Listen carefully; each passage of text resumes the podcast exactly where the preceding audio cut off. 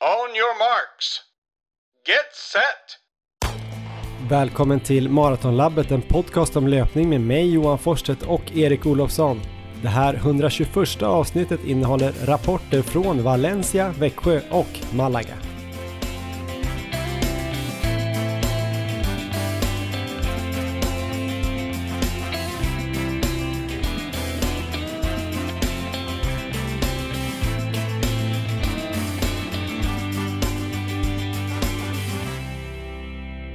Ja men då ska ni vara varmt välkomna till avsnitt 121 av den här podcasten Maratonlabbet som ju jag Johan Forsstedt gör med dig Erik Olofsson. Hur är läget Erik?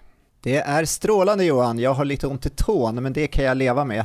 Så det ska bli ett spännande avsnitt idag och eh, det ska bli kul att få höra lite mer om hur du upplevde Valencia Marathon. Just det, för idag kommer vi ju faktiskt fylla den här eh, podcasten med lite olika race reports eller lopprapporter om man gillar svenska. Vi kommer rapportera från två lopp som du och jag har sprungit. Eh, våra stora mål för hösten var det här väl. Eh, det var Valencia Marathon för min del och så för dig var det ju då personliga rekordens tävling hette den va? I Växjö. Ja. Stämmer. Där sprang du 100 kilometer i fredags. Eh, hur mår benen förresten? Ja, men benen mår hyfsat ändå, men jag har oerhört ont i en tå, så att eh, det är väl det då som är problemet, men det tror jag kommer ge med sig på ett par dagar. Det är mer en sån här stor blodblåsa som stör. Det ska bli kul att höra hur du upplevde det där loppet. Jag har egentligen bara sett på vår egen Instagram hur det gick. Vi kommer också att prata med två löpare som högst sannolikt kommer att få springa maraton i landslagsdress kommande sommar. Dels då Linus Rosdahl som gjorde 2.13.21 i Valencia Marathon och så Sanna Mustonen som igår när vi spelade in det här sprang eh, Malaga Marathon på 2.35.15 och vi tänkte faktiskt kicka igång eh, det här avsnittet med en intervju med Sanna då, direkt från Malaga. Varsågoda. On your marks. Get set! Ja men sådär, då har vi fått med oss eh, Sanna Mustonen direkt från Malaga. Hur är läget Sanna? Ja, men det är bra. Eh, väldigt ont i benen idag, men eh, eh, det är väl som det ska vara tänker jag. Mm, det har gått eh, nästan exakt ett dygn här sedan Malaga Marathon mm. startade, yeah. där du sprang. Eh, vad hade du för tankar inför det här loppet igår? Alltså, jag och Christian hade väl, eller Christian hade lagt upp en plan för mig och det, tanken var att jag skulle ja, gå ut mellan 74-45 till 75-15. Eh, och jag hade mm. väl, på min klocka hade jag 74-54 halvvägs. Så jag var ju inom liksom den den planen. Eh, och det var, det var liksom den planen vi hade halvvägs och sen var det så här, sen är det bara att köra. Eh, nu kanske det inte blev bara att köra halvvägs efter 30 men eh, ja, jag tog mig i mål eh, och jag har en maratondebut eh, avklarad och det känns väldigt bra. Vi kommer komma tillbaka till det snart, men bara inför loppet då, Malaga Marathon, eh, hur såg banan ut? Vad var det för väder och sådär? Eh, men när vi startade var det ganska perfekt. Det var ungefär, eh, ja, vad kan det varit, 10-11 grader. Men sen kom solen ut och jag upplevde ändå att det var det blev ganska varmt, eh, när man, speciellt när man kommer liksom från minus, ja, minus 10, minus 11 som det nu har varit i Stockholm de senaste veckorna. Eh, och ja, jag upplevde att det var ganska varmt. Jag kände att ja, men det gassade ganska bra, solen. Um, men banan i sig, den var jättelättlöpt första halvan skulle jag säga. Eh, och sen andra halvan, ja men upp till 32 skulle jag säga var väldigt, ja men väldigt lättlöpt. Det var väl lite vind mellan 25 till 30 men det var liksom ingen vind att prata om. Alltså det var inget som påverkade den. Eh, och sen från 32 in i mål då så var det, ja men då skulle man liksom in i stadskärnan och springa ganska knixigt och det var, det var ganska, det var inte backigt men det var några lutningar eh, de där sista, mm. den sista biten som var, när man var så trött så var det ju väldigt, väldigt, väldigt jobbigt. Men det var det väl för alla, tänker jag. Du har väl bara startat en maraton innan det här och det var väl i Valencia i fjol. Ja. Eh, om du jämför med den banan, det du hann springa av den banan, var det stor skillnad? Ja, men Valencia är mycket snabbare. Det är mindre, alltså mindre svängar och det är bara liksom raka raksträckor. Eh, jag, hade, jag fick ingen plats till Valencia så det var det här som var liksom alternativet för att få in en mara. Men det är inte en osnabb bana heller skulle jag Det är liksom, det är fin, nej. Men inte lika snabb som Valencia. Men eh, om man tar den, eh, det loppet i Valencia fjol då, då fick du ju kramp. Eh, hur tänkte du kring det inför det här loppet? Hade du någonting i, i skallen? Ja. Alltså, tänkte du någonting på det? Nej men eh, jag var jättenoga med liksom, ja, jag druckit sportdryck hela veckan, eh, försökt få i mig Resorb eh, och bara förebygga just den delen men också varit väldigt noga med energin, alltså både dels inför loppet men också under träningen och jag fick väl en riktig tankeställare efter Valencia eh, att jag behövde ta tag i kosten på ett lite mer allvarligare sätt. Så att så det har jag väl jobbat på nu inför den här morgonen. Hur såg energiplanen ut i stora drag och hur mycket av det du hade tänkt göra fick du i dig? Jo, men jag hade tänkt att få i mig varje femma då. Eh, Så varannan, nej men jag körde sportdryck varannan femma och sen gels eh, varje tia då. Eh, Men jag fick i första eh, vätskestationen, eh, ingen, den var liksom, den fanns inte. Eh, Så vid fem så var det så här, surprise, det finns ingen vätskestation, det finns bara vatten. Eh, Jag vet inte om det var någon som hittade den, men varken jag eller Johanna hittade den, eller våra farthållare. För ni hade ändå så att ni fick lägga in er, er egen väska eller Ja, hur? precis. Som liksom elitbord. Ja, och det skulle komma efter Vilken fem. dålig överraskning. Ja, det var inte jätte, eh, man var inte jätteglad på livet då. Men det var, så, det var ju så himla tidigt in i loppet också så det gick bra. Men ja, det skulle komma efter fy- 5,4 kilometer men den kom aldrig. Så där var det så här, då fick man inte i sig eh, sportdryck som jag då skulle ta. Och jag tror att efter 35 så var det svårt att få i sig eh, energi för mig. Så jag tror Mm. att det där kan jag inte ha fått i mig så mycket. Övrigt då, skor hade du Adios Pro såg det ut som. Ja, precis. Uh, funkade jättebra. Kändes de bra? Ja, jättebra. Eh, jag har ju sprungit alla mina pass i dem så att eh, jag tycker det är jättebra skor. Men om man går till själva loppet då. Du sa där att du öppnade på um, 74.50 någonting. Ja, Fram tills dess var det liksom inga problem. Jag såg att du var en klunga där bland annat med Hannes Bjärnhagen Mm. och eh, Marcus där, Hallbäck som du brukar träna med också var ju med där. ja. Eh, Var det några problem fram till halva eller? Nej, det var det inte. Det var, det var väldigt lättlöpt och eh, det kändes väldigt bra, men det ska det väl också göra halvvägs. Men eh, ja, men jag och Hannes hade väl pratat lite, för jag och Hannes har kört några pass, så eh, vi sa vi, vi, vi hjälps åt liksom första, första biten. Eh, och Marcus var ju Mm. där och hjälpte, åt, hjälpte mig också. Ja, det var helt in i plan.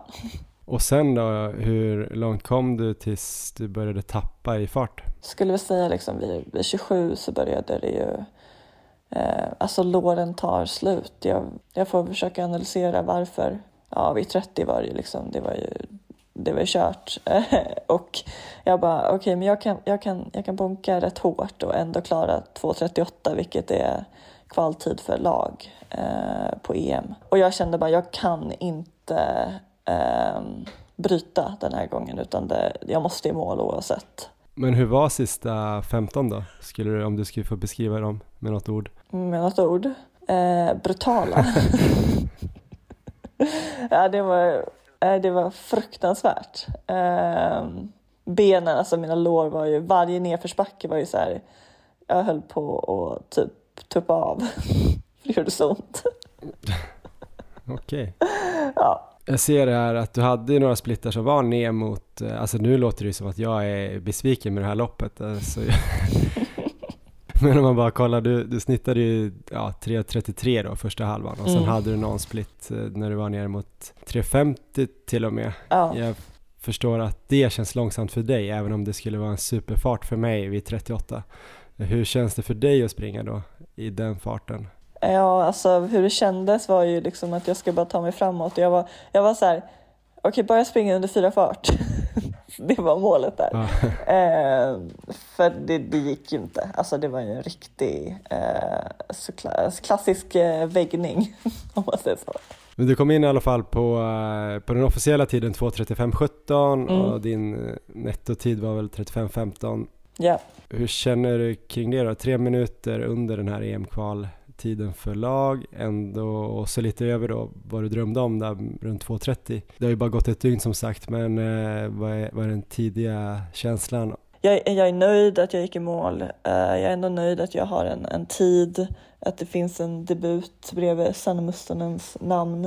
Eh, men ja, jag, jag vet att jag kan springa snabbare men jag måste kanske lägga upp det på ett helt annat sätt. Eh, och det finns väl en del av mig som är missnöjd med att en sån öppning gav det resultatet. När du säger att du skulle kanske behöva lägga upp det på ett annat sätt, menar du då själva lopptaktiken eller träningen inför? Ja men alltså jag, jag tänker absolut kanske träningen inför. Eh, måste kolla över varför mina ben tar stryk sådär eh, och det kan ju absolut ha att göra med den öppningen.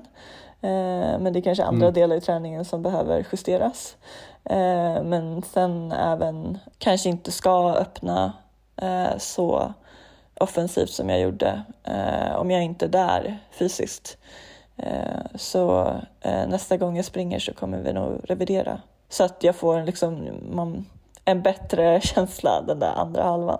För du har ju tränat väldigt bra i höst som jag har förstått det. Mm. Det lilla jag vet om och jag har ju varit med på något pass och sådär och sett mm. det i alla fall långt framme i någon horisont. Eh, ja. Hur har det sett ut? Det har ju varit ganska bra kontinuitet. Jo men det har varit jättebra de senaste nio veckorna. Eh, bra kontinuitet, bra pass. Så det finns ju liksom inget som indikerar på att, det skulle, att jag skulle vigga så som jag gjorde. Eh, och det kan ju vara yttre faktorer men det kan ju, jag tror ju att fysiskt sett så var jag inte kanske bättre igår. Men eh, träningen har sett bra ut, alla marapass har liksom gått utifrån de, den, den öppningen som jag gjorde eh, i de farterna.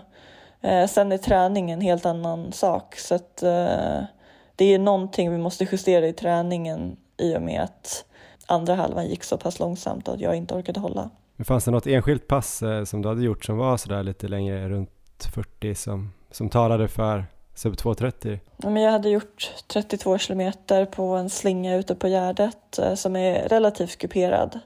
Och då började jag liksom i typ 3.45 och var nere i marafart och så fick jag ett snitt på 3.40. Och det passet i sig, men sen, ja, det är svårt att säga att, att det är liksom enskilda pass som pekar åt en, en viss sluttid eller fart. Eh, vi har ju ganska många Mara-specifika pass i våra mm. uppbyggnader. Så att, eh, jag gjorde tre gånger sju kilometer med en kilometer moderat för några veckor sedan som liksom pekade på den öppningen som jag eh, gjorde. Men det är väldigt svårt att säga om det finns något specifikt pass det är väl de där nio veckorna eller även maratonuppbyggnaden som jag gjorde inför Valencia har jag ju med mig. Ja, självklart är det helheten mm. um, som har sett otroligt bra ut och jag är väldigt imponerad av ditt lopp igår också. Så jag tycker du ska vara nöjd Sanna. Tack. Tusen tack för att du var med i, i podden här igen. Tack så jättemycket för att jag fick vara med. Ja, men det där var alltså Sanna Mustonen då som i sin andra maratonstart eh, slog till med 2.35.15. Eh, ja, hon verkar ha haft det jobbigt andra halvan. Ja, det var lite roligt för jag ramlade in mitt i loppet där på Instagram. Jag tror det var Viktor Dahlgren som sände en sån här livesändning så att jag såg när de passerade precis halvmaran och då låg hon med där i en klunga och såg ju otroligt stark ut. Så ja, det såg ju väldigt lovande ut, men maraton är ju långt, men 2.35 är en otrolig tid i debuten. Även om eh, vi väl båda tror att hon kommer kunna sänka den en del redan nästa år. Ja, verkligen. Jag hoppas inte jag lät eh, negativ här i intervjun, men jag tror att hon kommer lyckas köra båda halvorna på en 15 här framöver någon gång. Jag tror också att det kan vara en ganska bra erfarenhet att ha gjort en sån här lite klassisk maratonväggning, bara att ha det med sig och veta liksom att man fixar att ta sig igenom den biten. Sen så förhoppningsvis är nästa lopp lite mindre plågsamt och jämnare fart, men skulle det liksom ta emot på slutet där så vet ju Sanna då att det där har hon ju fixat förut, så då håller hon i bara. En annan som gick ut eh, väldigt hårt och eh, höll ihop det bra var ju Camilla Elofsson som också har varit med här eh, flera gånger, bland annat i vårt första avsnitt som vi någonsin gjorde. Hon sprang ju också på 2.35, men jag vet inte, hon var väl eh, 10-15 sekunder bakom Sanna bara. Eh, det var ett riktigt snyggt pers med tre minuter tror jag och hon öppnade också på runt 1.15, lite mer eh, kanske 1.15,5 så att eh, offensiv öppning även där. Och så gjorde ju då Hanna Lindholm ännu ett maraton det här året. Jag tror att jag kollade upp det att hon har sprungit sju maror varav att hon har gått mål eh, i sex av dem. Och alla de sex har legat mellan 2.30 och 2.34 tror jag, eller 2.35, men det var New York som ju är backig. Så det är nästan som att hon, man brukar ibland säga att eh, en höjdhoppare kan så här strömhoppa över 2.20, säger man så? ja, det tror jag. Eh, Hanna Lindholm kan ju strömspringa maraton på 2.30. Imponerande, igen. Verkligen, otroligt imponerande. Och så har vi då Archie Castile som också var med i podden här i somras. Han gjorde 2.15.48 tror jag det var. Också ett PB. Eh, andra som sprang var Johanna Bäcklund som tyvärr bröt efter halva ungefär och eh, Mohamed Reza som gjorde en intressant maratondebut som, som höll i, i 30 kilometer ungefär. Vi får se om det blir nytt försök för Reza framöver. Ja, efter den eh, inledningen där från Malaga då, så eh, vill vi då lyfta fram en av våra samarbetspartners, Löplabbet, som ju är Sveriges största och bästa butikskedja för löpning. Med åtta fysiska butiker från Malmö i söder till Umeå i norr. Man kan också såklart hitta Löplabbet på internet, Erik. På adressen www.looplabbet.se där finns det då förutom alla de här löpgrejerna som man kan köpa också flera olika tips och guider och just nu finns det där väldigt mycket innehåll kring vinterlöpning. Så man kan få tips där om hur man dubbar sina vanliga skor, hur man eh, bör klä sig på så här krispigt kalla runder och så kan man köpa presentkort både i fysisk och digital form. En väldigt bra julklapp tänker jag. Angående vinterlöpning Erik, har du något eh, favoritplagg på vintern eller något så här måste som du alltid har med dig eller på dig? Ja, men en ny sak jag kom på nu, det är ju de här skorna vi fick testa i somras här. Mina hette väl North Face Vective Enduris. Och eh, jag var lite så här skeptisk till om jag skulle använda dem så mycket, för det var ju mer en trailsko tänkte jag. Men den har fungerat otroligt bra här sedan det blev snö och is ute. Så den kör jag nästan alla pass med ute just nu. Så den, eh, den är bra. Sen så, ja, jag fryser ju extremt mycket om händerna så att någon form av tumhandske är ju ett måste när det är kallt. Jag fick ju faktiskt frågan här av eh, vår kontakt där på Löplabbet som eh, frågade mig då vilket eh, mitt favoritplagg var. Hans var ju då merino-buffen. Eh, men jag skulle också säga att eh, vantar är väldigt viktigt för mig. jag tror okay. jag har typ så här fem eller sex par löphandskar i olika tjocklekar. För att jag vill liksom inte frysa om händerna men jag vill heller inte ha för varma händer när jag springer. Så jag har väldigt många olika för olika temperaturer. Väldigt viktigt. Och då tipsade han om ett par vantar då, eller handskar från Craft som är så här att de både är fingervantar och tumhandskar i ett. Så man kan reglera under själva rundan. Det är ju rätt smart. Ja. Eh, så gå in och kolla efter dem på löplabbet.se. Tack så mycket Löplabbet. Ja, men då ska vi gå vidare med nästa lopprapport och jag vet inte hur lång den här kommer bli Erik, men du har i alla fall sprungit väldigt långt. I Växjö har du tagit dig 100 kilometer på en bana inomhus, varje varv 373 meter.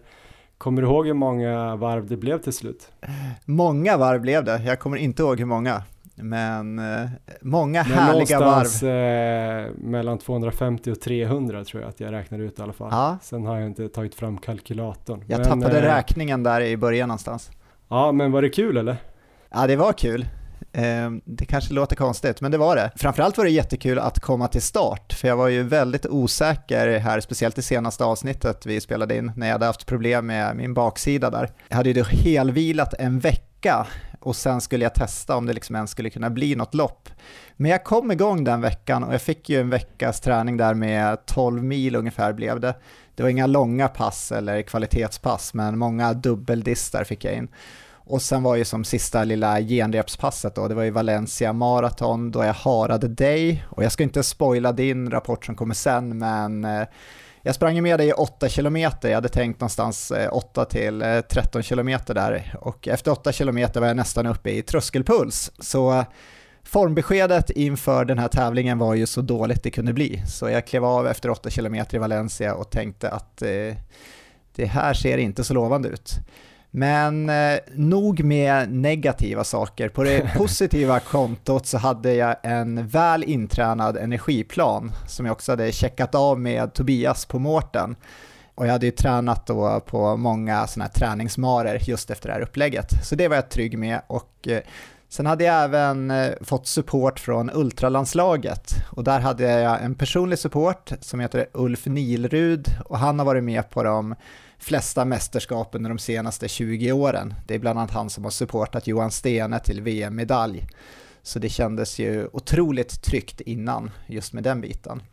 Så frågetecknen var då uppladdningen och formen. Så jag valde under det här loppet att inte kolla min puls alls. Jag hade med Eh, klockan då såklart och eh, pulsbandet på mig, men bara för att ha statsen och kunna kolla efteråt.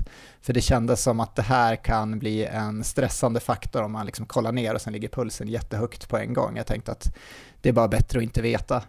Men jag hade inte justerat min måltid utan jag tänkte att jag siktar på att springa under sju timmar. Det var det jag hade tränat för i, ja, sen i somras egentligen, även om den sista månaden har blivit väldigt, väldigt dålig så tänkte jag att jag, jag gamblar och så får det hålla så länge det, så länge det håller. Och starten gick, så nu är vi inne i loppet här och direkt då så drog två spanska löpare iväg, bland annat Ivan Lopez som har varit fyra på VM och han siktade på spanskt rekord under det här loppet. Sen blev vi som en liten klunga med eh, jag, Mattias Wellermark och Christian Malmström. Och vi sprang ihop i en mil ungefär. Eh, sen gick de ifrån mig där. Men jag låg och drog i alla fall och eh, i väldigt jämn fart får jag säga. Jag skulle hålla 4.12 per kilometer och det innebar då en varvtid på 95 sekunder. Och GPS-klockan som jag hade på mig den fungerade ju inte alls och det hade jag ju inte förväntat mig heller. Men däremot så hade de så här stora skärmar vid eh, varje varvpassering så att man kunde få se sin tid där varje varv. Och det var ganska roligt för då kunde man verkligen försöka så här pricka in den här måltiden. Så att jag försökte få där 95 sekunder varje varv. Hur var det annars att springa där inne då? Var, var det bra liksom, temperatur? Hur var underlaget sådär? Eh, temperaturen var eh, 17 grader, så det var, kändes väldigt behagligt och bra. Eh, såklart vindstilla och det är ju alldeles underbart när man bor i Uppsala. Så eh, det tyckte jag var bra. Man sprang som bakom, det var en fotbollsplan i mitten med läktare på varje sida, så det var som att man sprang bakom läktarna. Eh, så det kanske inte låter så inspirerande, men för mig så passade det väldigt bra. Jag kom liksom in i den här rytmen rätt snabbt där och eh, underlaget var ganska hårt men det var ändå som löparbana. Så. så det kändes bra, det var positivt på det sättet och Ulf langade energi var 20 minut där. Och efter 15 kilometer tror jag, eller kanske två mil ungefär, då började jag springa med musik. Och då blev det som att jag liksom startade ett eget disco i mitt huvud. Så hade jag, jag hade riktigt roligt där fram till eh, 50 kilometer ungefär. Bra känsla i kroppen, det var roligt att springa. Jag passerade maran på 2.57 och jag kom fram till 5 mil på 3.30. Så det var helt efter plan, liksom so far so good. Men några till frågor här då. Underlaget, eh, var det vanlig liksom, löparbana eller det här, efter att ha sprungit uh, eh, 10 mil så borde jag kunna svara på den här frågan. det blir jag tveksam. Uh, jag har för mig att det var löparbana, jag kan inte säga att det var det hela vägen men... Jag älskar uh, att du inte vet, du är så fokuserad. men, och dojor då, vad tog du? Du, du hade Alphafly va? Ja, jag körde med Alphafly så att eh, det kändes, det kändes som ett bra val i slutändan ändå, även fast jag har en tå som är ganska förstörd nu efteråt. Så eh, det skovalet eh, tror jag ändå var bra. Jag var inne lite på kanske köra Vaporfly. Eh, det kanske hade varit ett bättre val, det är svårt att veta. Väldigt eh, svårt att utvärdera, men det var inte så att eh, jag föll på skovalet i alla fall. Men halvvägs alltså 3.30 precis enligt plan. Hur kände yes. du då? Ja, nu kommer det vara lätt att damma av fem mil till i, i 4.10, 4.12 fart eller? Ja men känslan var ändå positiv. Sen så har jag ju sprungit den här distansen tidigare och jag vet ju framförallt då när man kommer upp där till 6 mil och kanske fram till 9 mil, det är ju helt vidrigt normalt sett. Alltså det är en brutal sträcka 100 kilometer. och första halvan ska ju kännas lätt, men det gjorde det också, så att Eh, jag hade väl ett eh, positivt mindset ändå. Men vid 50 km eller kanske 51 km så får jag plötsligt håll, alltså rejält håll, så att jag blir direkt tvingad att dra ner farten rejält. Så jag är lite panikslagen där och eh, pratar då med supporten där med Ulf och de tipsar mig om att försöka springa upprätt och ta djupa andetag. Så det försöker jag göra där, Eh, men det tar säkert så här 45 mycket plågsamma minuter innan det där äntligen släpper. Så jag springer under hela den här tiden, men jag känner ju bara hur måltiden då rinner ur händerna på mig, för att jag hade ju ingen marginal innan, utan jag skulle liksom ligga i jämn fart hela vägen. Så eh, ja, det var en tung period där, men efter ungefär 45 minuter så släpper i alla fall hållet och då tänker jag att nu ska jag försöka jobba mig ner till målfarten igen. För att om jag hade legat innan på 95 sekunder per varv kanske jag nu var uppe och sprang på 110 så länge jag hade håll ungefär. Så att jag börjar liksom öka farten igen och tänker att nu ska jag ner i målfarten igen och då får jag istället krampkänningar i vaderna med cirka sådär 25 kilometer kvar. Stort Erik. Ja, Äntligen har jag blivit en riktig löpare. jag tänkte att du skulle gilla det här. Så, och det var ganska långt kvar då, med två och en halv mil. Jag pratar återigen med supporten och då är det väl Lotta Törn där i landslagsledningen som tipsar om att försöka ändra steget, att jag ska ta ett varv när jag springer med mycket längre steg. Jag antar att det har att göra med att ändra belastningen då. Just det, men inte baklänges då, som Nej, just David det. Nilsson. Nej. Det, ja, det skulle jag kunna prova. Men eh, jag gör det och det hjälper lite grann, men jag känner att så fort jag börjar öka igen och försöka komma ner i min målfart så börjar det hugga till i vaderna. Och så fortsätter det resten av loppet. Jag får alltså ligga och balansera farten för att inte få krampattacker. Jag försöker öka lite, men så får jag backa. Och eh, ja, det var väldigt frustrerande, men det finns liksom ingenting annat att göra, utan jag hittar någon slags fart där jag kan ligga i och ändå balansera in det.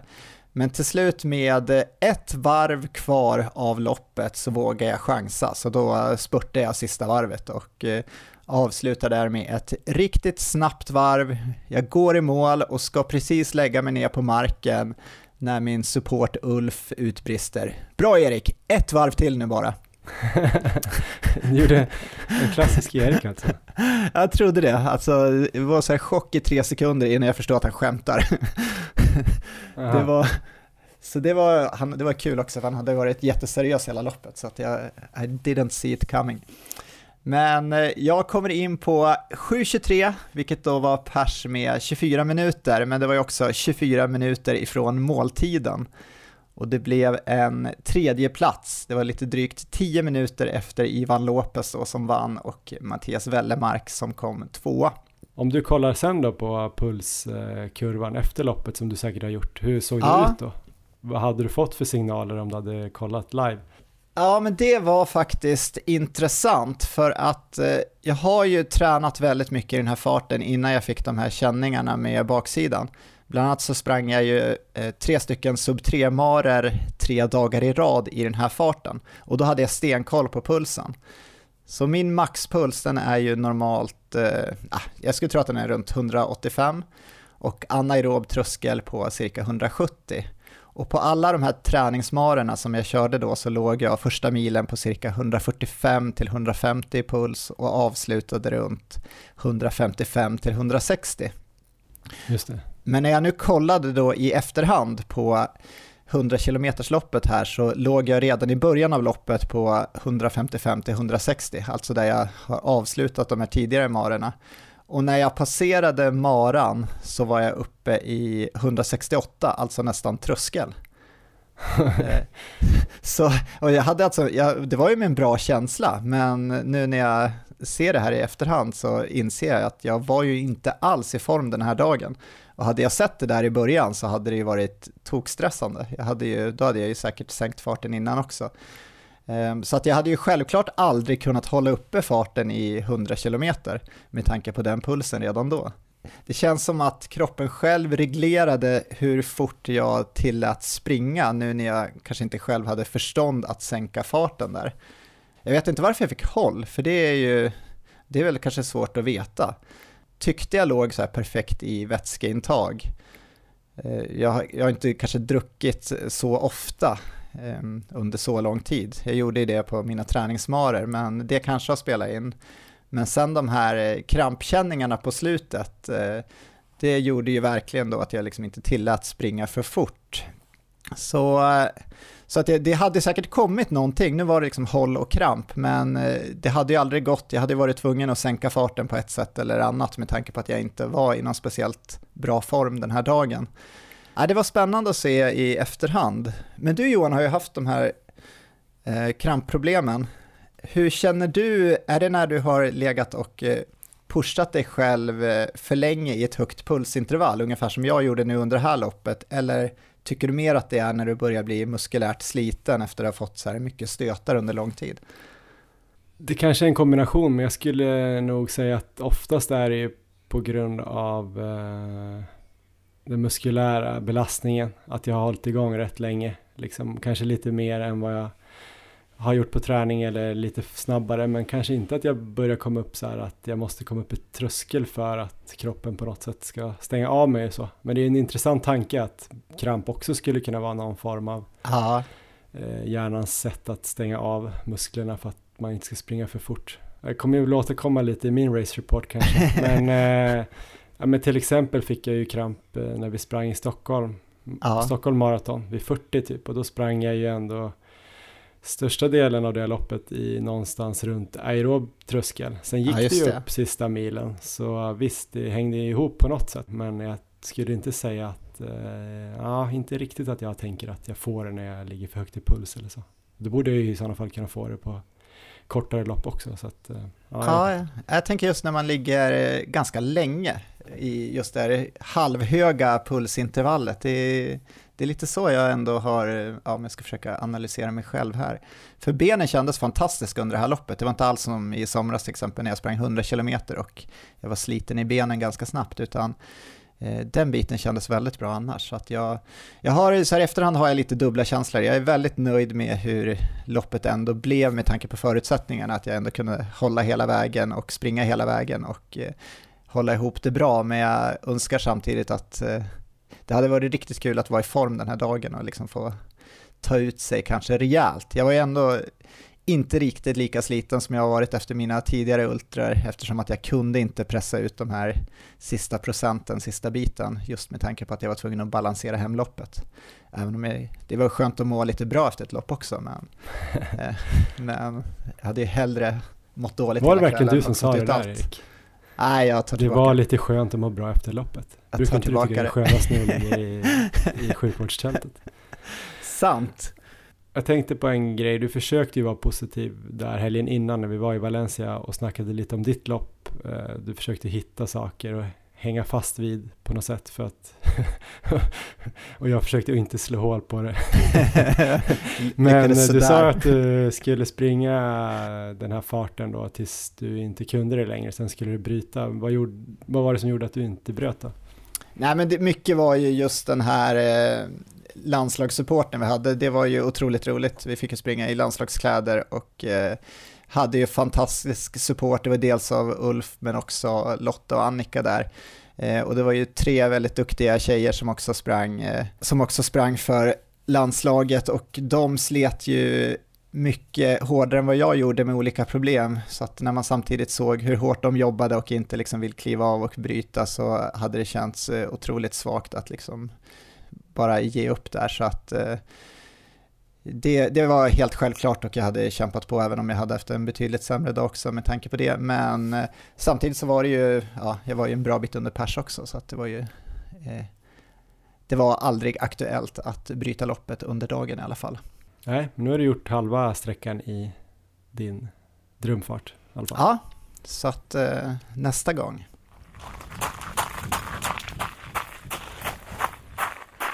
Vi har också en annan sponsor som heter Kura. De gör Europas mest eh, populära tyngdtecken med över en halv miljon användare.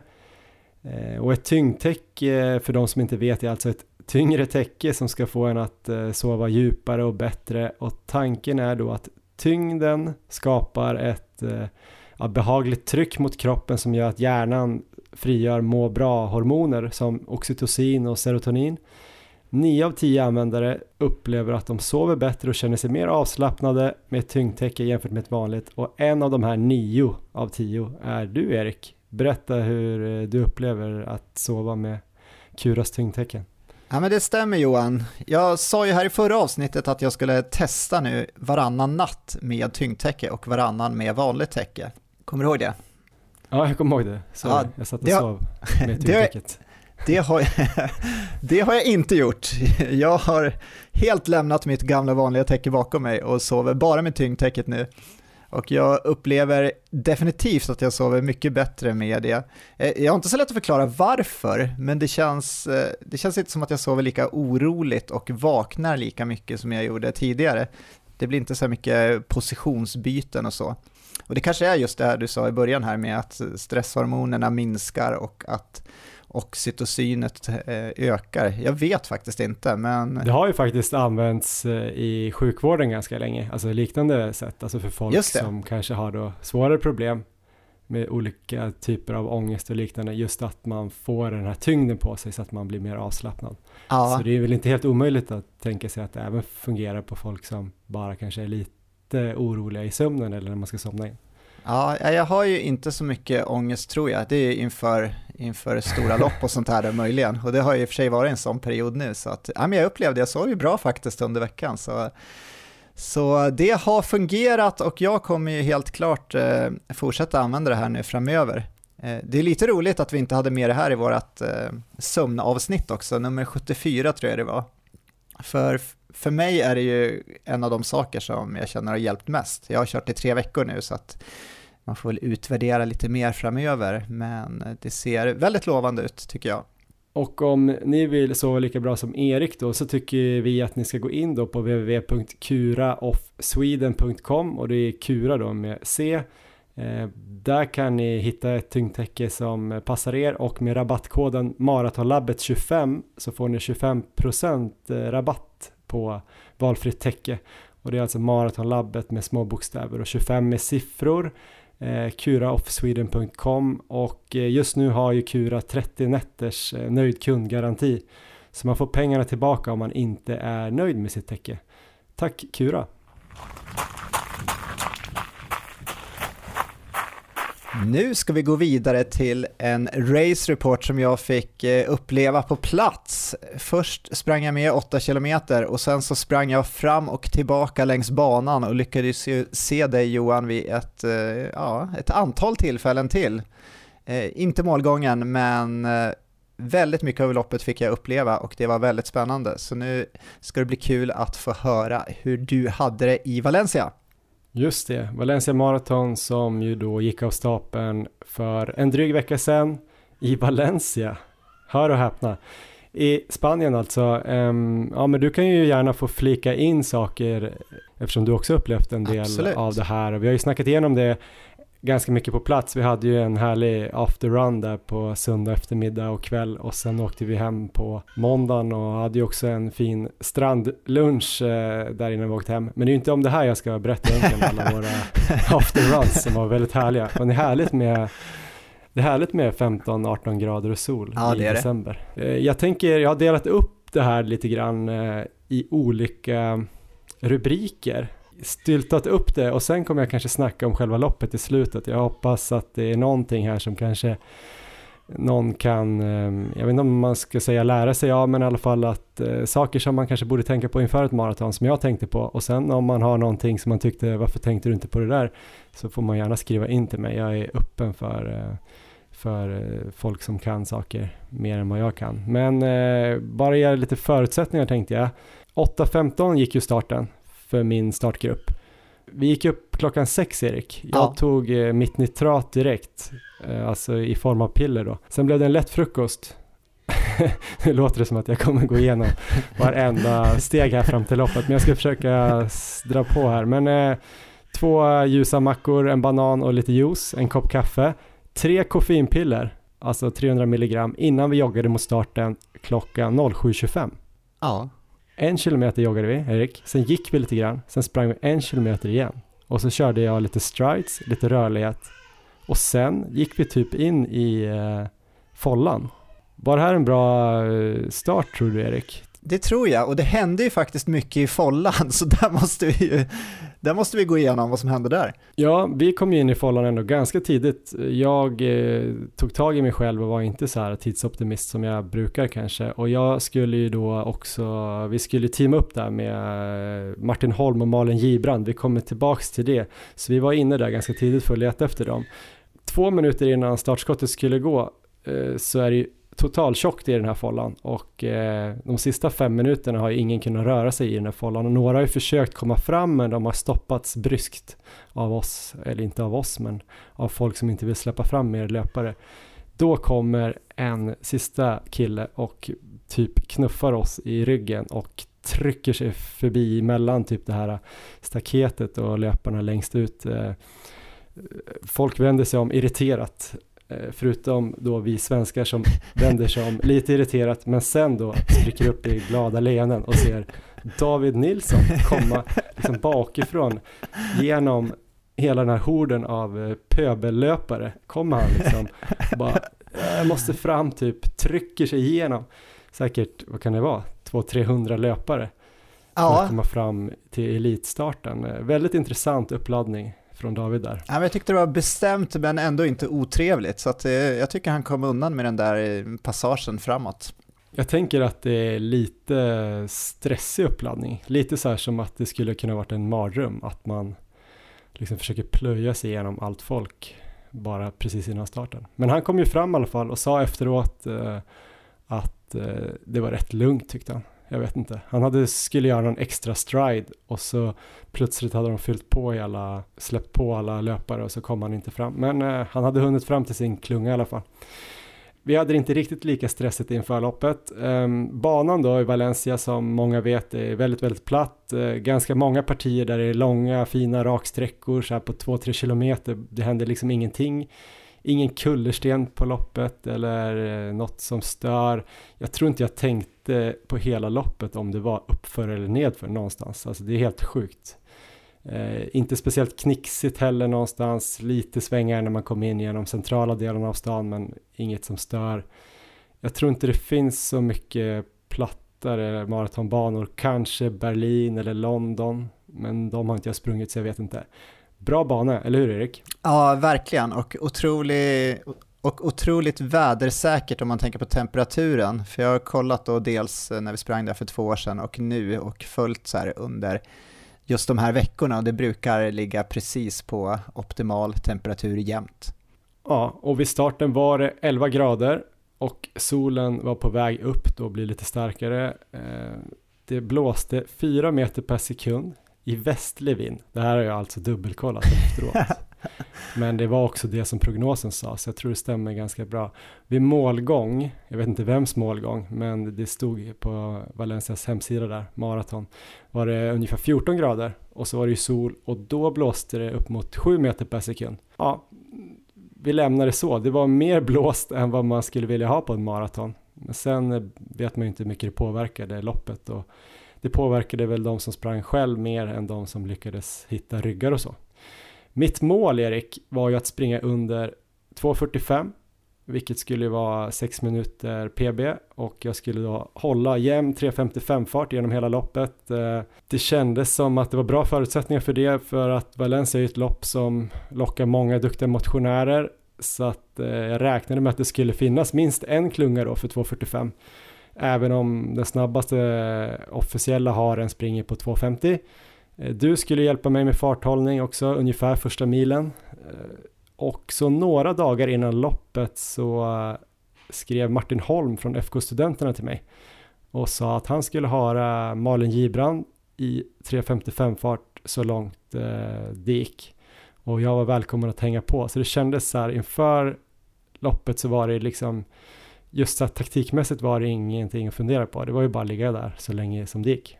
Ja, det gjorde ju mitt eh, jobb som hare lättare också när Martin och Malin kom med, för då var det mer liksom att ta en position i en sån här Kipchoge-klunga framför dig, mer än att hålla farten. Sen hade jag med lite energi till dig också under vägen. Just det, och min energiplan var ganska enkel på förhand, hade också stämt av den med Tobias på, på Mårten. Eh, jag skulle försöka få i mig då 20-25 gram kolhydrater var 50 kilometer, alltså var 20 minut ungefär. Åtminstone fram då till 35 kilometer. Därefter tänkte jag att jag kanske skulle få svårt att få i mig och att det kanske inte heller spelade så stor roll muskulärt. Eh, eh, sen om jag kände att jag behövde något så skulle jag försöka ta någonting. Men eh, jag körde framförallt då Mortens eh, gels, de här gel CAF och gel 100 heter de väl. De flesta bar jag med mig i mina shorts, en fick jag av dig vid tio, strax innan 10 och sen drack jag ju sportdryck vid 5 km och strax innan 20 som jag fick langat då av dig och det var ju Mårtens 320. En 2 deciliter på båda ställena. Eh, jag försökte också dricka vatten då vid de stationerna där jag tog gels. Eh, det var typ min enkla energiplan. Vi återkommer väl kanske till om den funkade eller om jag lyckades hålla den. Träningen inför, jag ska inte gå in på träningen, men jag pratade om det förra veckan eller förra avsnittet. Det hade ju sett ganska bra ut de sista 12 veckorna. Jag hade gjort några långa pass, två pass under tre timmar på maraton. Och sista veckan här kanske är lite intressant ändå. Jag tror inte att jag har berättat det, det kan jag inte ha gjort. Kanske skrev om det på Instagram, men jag gjorde ju ett tröskeltest på Activities. Just det. Som mitt sista typ hårda pass eller vad man ska säga. Det var alltså på onsdagen, fyra dagar innan loppet. Oftast brukar jag kanske springa fem kilometer i marafart. Men nu blev det då 20 minuter progressivt kan man väl säga. Från då 4.35 där vi startade testet och så avslutade vi i 3.32. Så jag tänker att det blev ungefär samma belastning totalt sett. Men det var intressant då för att det här kunde ju vara ett sånt test som skulle kunna sänka självförtroendet eller höja den. Eh, jag gjorde ju något inför Frankfurt där jag fick så himla dåliga resultat och var helt nedtränad och kände så här att ja, det blev en riktig så här självförtroende en självförtroendesänkare. Ja. Men nu var det i alla fall min aeroba tröskel var runt 4.15 fart och anaeroba tröskeln runt 3.32 till 3.35 fart. Jag har inte fått de slutgiltiga uträkningarna. Och då tänkte jag att 3.55 fart är ju mitt emellan de här två trösklarna så det kändes som att det var ändå ett lovande tecken för att det är väl någonstans där man kanske ligger mestadels på en mara om man får till det bra, i alla fall jag. Eh, det jag gjorde då, kanske som vissa av er med rätta har ifrågasatt, det är väl att jag sista veckan inför där ändrade mig och eh, bestämde att jag skulle köra Nike Vaporfly Next Percent då på fötterna. Det var dessutom version 1 som många har hånat mig för efteråt att det inte ens var den här nya Vaporfly Next Percent. Men det är samma sula och sådär så jag tänkte att de var ju typ oanvända. Jag hade ju tänkt att springa i Alphafly som jag då verkar springa mest energieffektivt i enligt det här testet som jag gjorde på Activitus också. Men jag trodde ju att eh, Next Percent Vaporfly skulle kanske göra så att jag eh, höll mig från att få kramp längre eftersom att jag skulle få ett mindre explosivt steg. Det var tanken inför. Ehm, jag vet inte, ska vi redan nu säga om det var ett bra eller ett dåligt val eller ska vi ja, ta men vi kan det väl spara det på loppet? återkomma med det på slutet för det är ändå ganska intressant. Det här tror jag var allting jag hade inför. Nu tänkte jag att vi går in på själva loppet. Så alla de här punkterna tror jag kan vara en så här bra grej. Jag ska bara kolla om min bebis här kan sluta skrika lite.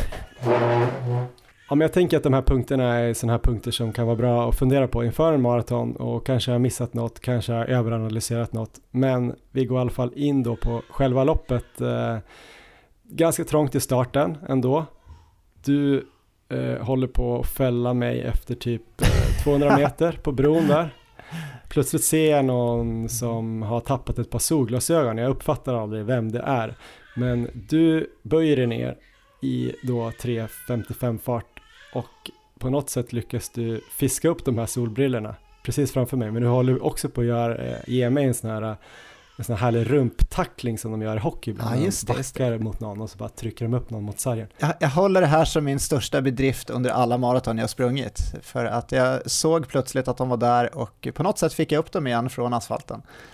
Ja, det var i alla fall dina solglasögon som du hade hängt i din, din ryggsäck som du sprang med då. Så var det. Eh, ja, imponerad att du inte sträckte det där, för du brukar säga att du är ovig, men du såg ganska smidig ut. eh, hur som helst, eh, lite du vet eh, stökigt första kilometern kanske, men sen tycker jag ändå att det blir ju ganska rakt där direkt. Så jag vet inte, första fem kilometerna upplever jag som ja, men ganska enkla. Och eh, Martin ligger framför mig, du ligger snett framför mig, Malin ligger snett framför mig på andra sidan. Lite eh, Kipchoge V-formation nästan. Eh, mycket andra löpare också som tar vind och så. Så inga problem egentligen. Sen mellan 5 och 8 tror jag det är, där är det en lång rak sträcka som då går mot vinden. Där märker man ju ändå att det blåser ganska mycket och att det är ganska jobbigt plötsligt att springa i 3.55 fart. Och vi hade snackat om att eh, kanske springa snarare 4 fart i motvinden och kanske 3.50 i medvinden. Men jag upplever ändå att vi ligger 3.55 hela den där sträckan. Då tror jag ändå att jag redan då känner att ja, det här är lite eh, hårdare än vad jag tänker att en maraton ska vara första milen. Alltså jag får någon liten sån tanke av ja. att det är ändå ganska jobbigt att springa maraton på 3.55 fart. När vi vänder där borta och du går väl av där? Ja, då var jag knäckt. Då hade jag, då hade jag gett allt, så då tänkte jag att nu supportar jag istället. Ja, du hade gett mig vätska vid fem, alltså sportdryck, sen gav du mig en gel och så gick du av. Då vände vi runt och 180 grader och springer hela den här raksträckan tillbaks i medvinden. Och då känner jag ju plötsligt att okej, okay, det är ju bara jogga i 3.55. Alltså det var så stor skillnad, tyckte jag i alla fall. Och egentligen så skulle jag väl säga att eh, första 15 kilometerna eller första tredjedelen, då lyckas jag väl hålla ganska som Musse, Mustafa Mohammed brukar säga, att man ska sitta typ i baksätet och, och bara flyta med. Och den känslan har jag ändå, även om jag någon gång tänker så här, fan jag borde ha tagit Alphafly jag tycker inte att jag studsar lika mycket som i Alphafly med Vaporfly, att jag får liksom jobba lite hårdare, kanske mentalt, men, men så var känslan lite grann. Men det känns ändå väldigt bra, jag får i mig all energi jag har tänkt och eh, försöker springa smart egentligen och det går ju, jag behöver inte tänka på eh, snittfarten för att Martin sköter det där helt perfekt. Och eh, det gjorde han ju då fram till 15 ungefär. Där tror jag, eller där börjar känna en känsla av att Malin kanske tycker att det börjar bli lite jobbigare det kommer typ tre löpare från Örebro som skulle ha sprungit med Fanny Schulstad men hon hade väl sprungit ifrån dem tror jag i början. Eh, de säger hej Johan. Och så, så frågar jag dem vad de siktar på. Och då de bara, men vi ska springa på 2.45 men går ju fortare än oss där. Så att jag känner lite grann så här det här kan vara ett sånt ögonblick i loppet som jag måste ta ett beslut och kanske lämna Martin och Malin och hänga på dem här. För att om jag ligger kvar här och vi saktar ner så så kanske jag inte hittar någon så här bra rygg. Så jag börjar haka på dem, men märker ganska snabbt att de är liksom uppe och springer i 3.45-3.50 vissa sträckor där och det var väl kanske lite medvind och så. Men märker väl ändå att eh, det är ingen av dem som riktigt håller exakt pace utan de springer lite på känsla är min upplevelse. Så då börjar jag kolla bak och då ser jag ju så här, men Martin och Malin ligger ändå kvar här bakom i ganska jämnt tempo. Så jag hamnar på någon sorts mellanhand eh, där mellan de här Örebro-löparna som jag släpper iväg och Martin och Malen. Så, så funderar på att börja backa tillbaks klungan där. Men då kommer vi ungefär till 18, 18,5. Då får jag vätska av dig igen. Du skriker lite på mig, springer med en bit. När jag tagit den vätskan så kommer jag då in i en klunga där, där jag också ganska snabbt märker att det är en brittisk man som eh, eh, verkar springa framför en brittisk kvinna. Eh, så jag tänker så här, hmm, det här är säkert någon som harar någon. Eh, frågar honom om han ska springa 2.45, ska jag göra det? Eh, tänker jag, då lägger jag mig i den här klungan. Och sen kom det då eh, ett par killar, tre killar tror jag, från Alicante friidrottsklubb. Där det också var tydligt att en kille var superduktig och eh, harade i alla fall en av de här andra två. Och sen när vi kom halvvägs då hörde jag att han ropade till dem då på spanska att de låg exakt rätt, att de hade en 22.30. Eh, så då kände jag mig ganska lugn att vi var i den där klungan istället och det var ju ganska många som låg där. Eh, vi var kanske 15-20 stycken och jag försökte ändå ligga ganska långt fram där ändå. Även om man kanske fick lite mer vind så kändes det ändå säkrare för att det var folk som tappade hela tiden och det blev mindre stökigt. Hur var känslan här då? För det låter ju som att du, har, att du är väldigt fokuserad och eh, tänker mycket på taktik och så i det här läget. Eh, hur kändes kroppen? Hade du så positiva tankar att benen känns bra eller något liknande?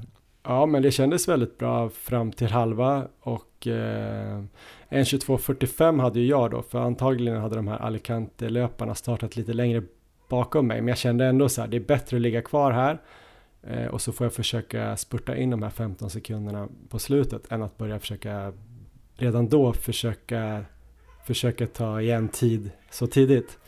det var väl lite så här som en maraton ofta är, att eh, man kan inte kanske tänka för mycket på känslan för tidigt i alla fall, för att det kan kännas så olika med bara någon kilometers mellanrum. Dels beroende på hur kroppen själv reagerar, när, eh, hur hjärnan funkar, hur, om det är mot eller medvind, om energin just då kommer ut i blodet. Alltså det finns så här många grejer, du vet ju hur det är mentalt ja. sådär. Man kan ju lura sig själv om man börjar tänka så här, ah, nu känns det jobbigt. Då kan man ju gräva ner sig. Så jag försökte tänka så här att okej, okay, nu känns det lite jobbigt, men uh, ja, så känns det just nu, men det kanske känns annorlunda efter nästa sväng. Och ofta gjorde det det. Så jag skulle säga att uh, fram till typ 23-24 så var det bara så här, det här känns helt enligt plan. Och eh, även då mellan kanske 24 och 28 så kändes det bra. Men den sträckan gick ju egentligen i motvind mer eller mindre hela vägen. Eh, framförallt typ 24,5 till eh, 26-27 någonstans. Där tyckte jag ändå att det började bli lite eh, jobbigt. Men när jag kommer då till 25-26 där du står ja. så är jag ändå ganska pigg, eller hur upplever du det? det var det sjukaste jag sett. För att jag hade ju sett dig vid 18 där när jag langade och då hade jag börjat misströsta lite för att jag såg att du inte längre sprang med Martin och Malin och jag trodde kanske att de var framför dig och att du hade börjat tappa lite så jag hade fått lite så här funderingar vad som var på gång plus att appen fungerade så dåligt så jag kunde inte riktigt hålla koll på dig där för man fick felaktiga tider eller ingenting. Men så ser jag dig vid 26 kilometer och då filmar jag. Jag springer med och filmar och då är det i bakgrunden så spelar de någon sån här eh, snabb musik också. Så det blev ett otroligt filmklipp när du typ sveper den här klungan med ett lätt så här eh, 10 kilometers steg. Eh, det såg helt otroligt bra ut där. Så att efter att jag hade sett det så tänkte jag att det här, det här kommer gå vägen. Mm. Ja men då var jag ganska pigg och då gick jag runt klungan för att lägga mig på andra sidan för jag tyckte det var lite mycket vind från, från sidan där. Eh, kändes ändå rätt bra. Men sen nu när du sa det i din race report att du fick eh, lite håll. Jag fick faktiskt lite hållkänning där runt 26-27 ja. plus att det var slutet av den här långa, långa sträckan som var lite lätt eh, motvind hela vägen. Så då började jag känna ändå att det var jobbigt med ja. maraton. Eh, lite negativa tankar där då, kanske vid 28. Men sen vände det runt igen och man sprang i medvinden. Och plötsligt så var jag nere och sprang framför klungan i typ 3.50, ungefär som när du såg mig. Och ja. kände bara, aha, men okej, det är så här det är. Det kommer vara olika på olika delar av den här banan och hur man känner sig. Så att eh, då kände jag ändå så här, ja men det här känns ju bra. Nu är det snart bara 10-12 kvar här. Och eh, jag tror att du stod igen sen då. Du dök upp där som den här, vad är, det, vad är det på julafton, den här jobbiga fågeln. Kalanka är ute och ska fota och så kommer den här störiga fågeln. Fast du var ju härlig då. Ja, men såklart. tack Johan. Det var, det var så jag kände mig. Jag kände mig precis som den fågeln. Jag, jag var lite överallt längs banan. Där hade jag gjort en, en ganska bra löpning för att hinna fånga dig vid 29 också. Och då tror jag att du fick lite sportdryck där kanske också.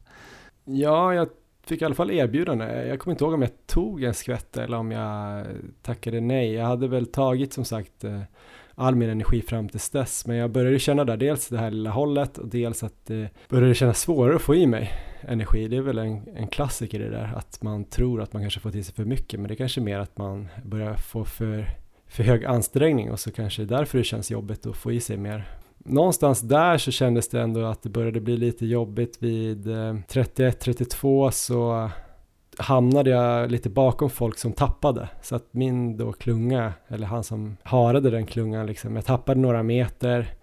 Eh, men jag hade honom hyfsat nära mig. Men så någonstans där vid 32 och en halv så kände jag väl så här, eh, det hade börjat pirra lite i, i, eh, vad ska man säga, de här filéerna vid skenbenet. Alltså att det börjar dra lite i dem. Och jag känner liksom ofta när jag får kramp så börjar det rycka någonstans. Det behöver inte alltid vara där jag får, får krampen sen, men det kan vara att det rycker till lite i vaden eller att jag, jag hade känt lite upp mot ljumsken också, lite så här lätt kramp. Men jag försökt slå ut det i huvudet ändå och tänka att det är bara något jag kan springa igenom.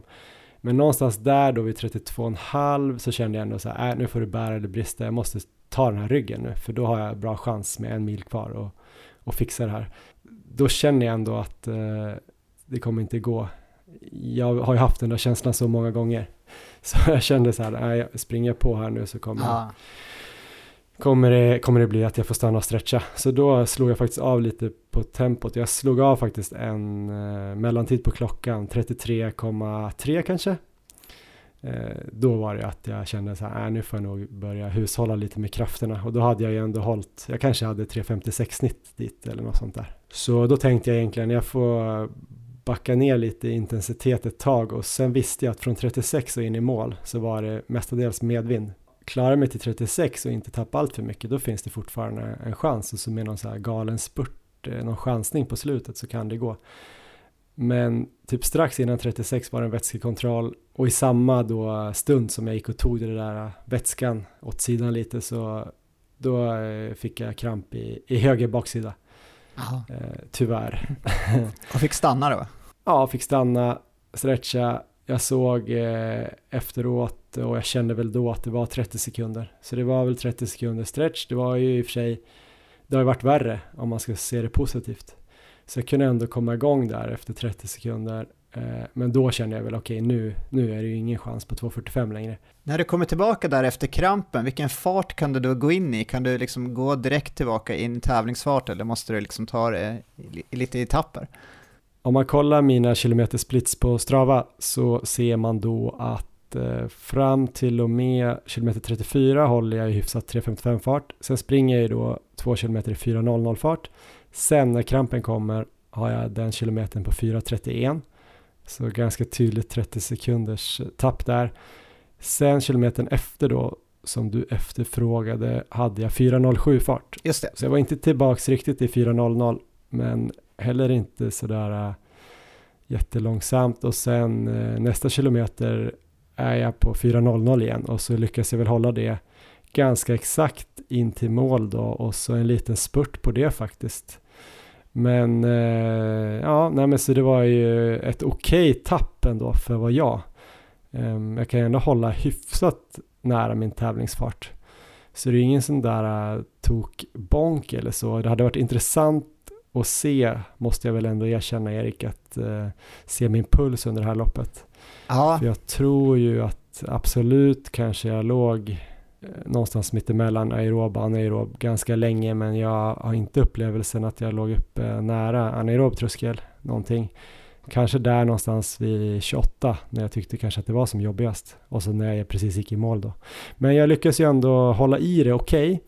Tappar väl eh, två minuter skulle jag väl säga eller 1.45 sista milen Eh, och går i mål då på 2.47.05. Så jag missade också Maratonlabbets Valencia Maratonrekord. Just det.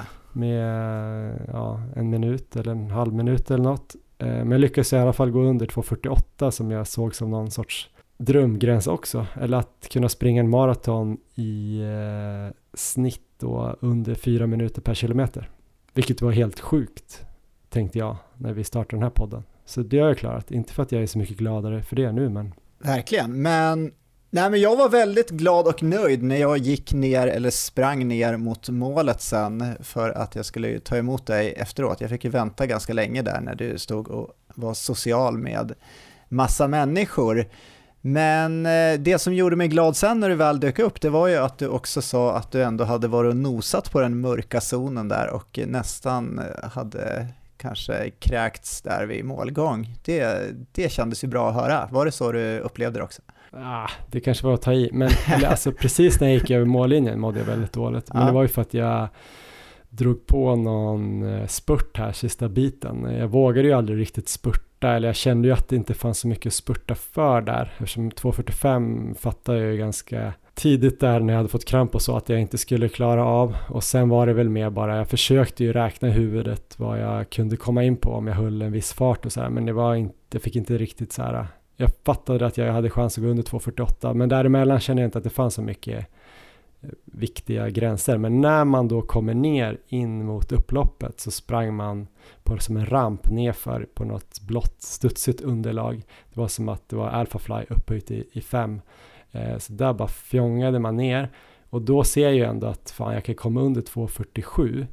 Då tänkte jag så här, det kanske är bättre att göra 2.46.59 än 2.47, ja nu blev det ju 0.5 då, men så då lyckades jag ändå dra av en ganska bra spurt där.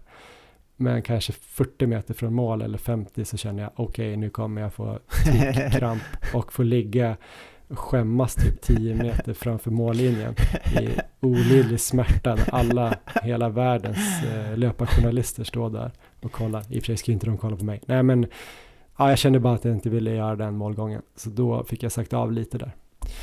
Så då mådde jag ganska dåligt när jag gick i mål. Men jag sprang ju inte sådär och, och kämpade tyvärr. Aha. Men jag har nog aldrig varit tröttare på ett maraton förut i alla fall. Så det är väl positivt. Alltså jag menar, även där vid 32-33 kände jag ändå att jag grävde lite djupt och fick liksom kämpa för att inte ta den lätta vägen redan tidigare innan krampkänningen. Sen så känner jag att det där beslutet är liksom oundvikligt att dra ner på farten när jag känner att jag börjar krampa för då kan jag ju inte springa alls. Ja. Vi får väl se hur vi ska göra framöver om det blir att aldrig mer springa maraton eller göra årtusendets satsning på energiplan och springa lång, långa hårda pass. Och det där kommer vi åter... Lobotomi kanske. det kan vara en lösning. Eh, men det får vi återkomma till. Ska, om vi ska ta och utvärdera det här lite nu och vi kan väl börja just med känslan nu med lite distans till loppet för att eh, där på plats så kände jag att det var lite blandade känslor. Det var ju, eh, du var nöjd med att ta pers, men det var samtidigt ganska mycket besvikelse av att du inte kunde springa under 2.45, även fast det kändes som att, alltså jag tyckte ju du gjorde ett kanonlopp, eh, och det sa jag också, och, eh, men du, du var inte helt nöjd där efteråt. Hur känner du nu? Kan du på ett annat sätt glädjas åt eh, att ha sprungit på maraton på 2.47? Ja, men jag är ganska nöjd på ett sätt. Eh, jag är ganska nöjd med loppet och det tyckte jag ändå att jag var efter också. Jag vet inte, jag kanske inte utstrålade det direkt, men jag känner att själva loppet där och då, allt som jag gjorde egentligen, just eh, i loppet och alla beslut och så, hur mycket jag det var liksom jättebra genomförande. Alltså jag är väldigt nöjd med, med vad jag gjorde där. Och jag kände väl ungefär att ah, men det är ungefär så här bra jag är i det här loppet. Och sen var jag väl kanske lite besviken över att det ändå inte riktigt höll till 2.45. Sen kan jag ju vara besviken att jag inte är ännu bättre. Det är kanske mer det jag var besviken över. Att jag ändå kanske satsade på 2.45 i fjol och upplever väl att jag hade ungefär samma chans på förhand då som nu. Eh, så det kanske man hade väl hoppats på att man ändå skulle ta då 2.45 och sen kunna jobba vidare ner mot, ja, om man nu ska springa maraton igen, att man kan börja drömma om ännu bättre tider. Nu känns det mer som att nu fortfarande är min gräns 2.45 att jag ska klara.